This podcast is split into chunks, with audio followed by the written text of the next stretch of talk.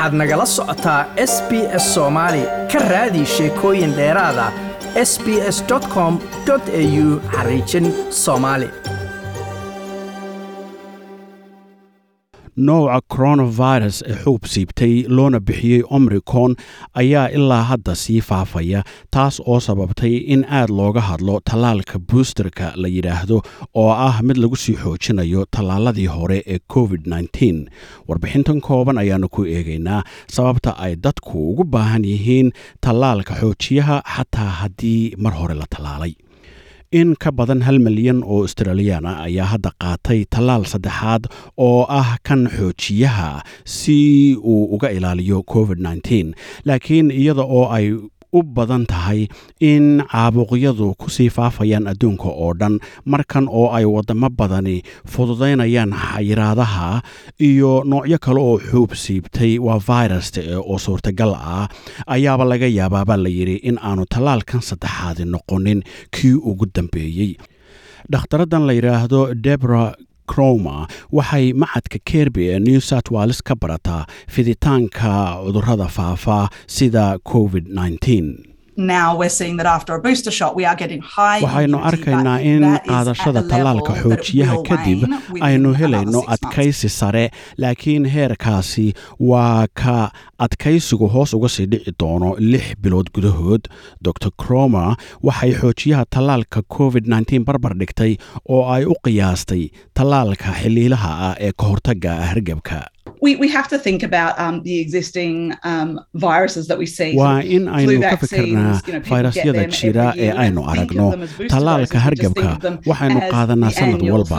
uma qaadanno inuu yihiin xoojiyayaal keliya ee waxaynu u qaadanayo keliya inuu yahay tallaalkii hargebka ee sannadlaha ahaa dowladda federaaliga ayaa bilowday olole lagu hirgelinayo tallaal xoojiyaha covid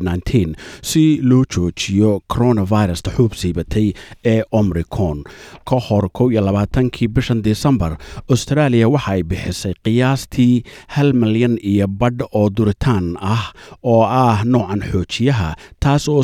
saami ahaan u dhiganta lix tallaal boqolkii qof ee australian ahba taas marka la barbar dhigo wadanka israa'iil oo aad u dardargeliyey tallaalada xoojiyaha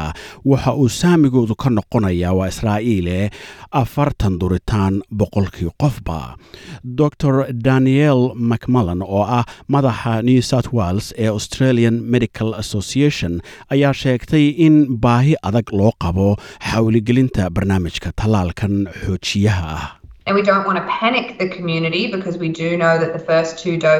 ma doonayno inaan argagax ku ridno bulshada? sababtoo ah waxaan ognahay in labadii duritaan ee hore ay weli ugu yaraan shantaa bilood iyo wixii aan ka fogayn ka ilaalinayaan jirada laakiin markaan sannadka dambe sii qooraansanno waxaynu arkaynaa in loo baahan doono tiro weyn oo xoojiyayaal ah ayay tidhi.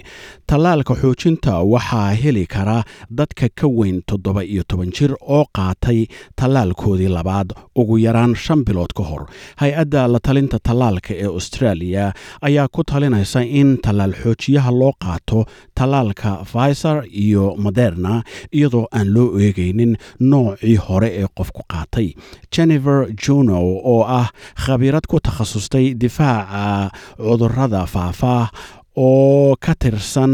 dowert institute ayaa sheegtay inay jiraan calaamado durba la arkay oo ah in tallaal xoojiyuhu kordhiyo heerka adkaysiga.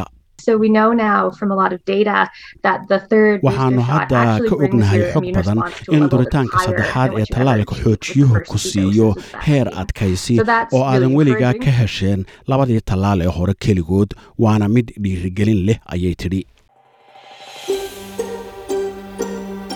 ma doonaysaa sheekooyinkan oo kale ka dhegayso apple podcast google podcast spotify ama meel kasta oo aad bodkastigaaga ka hesho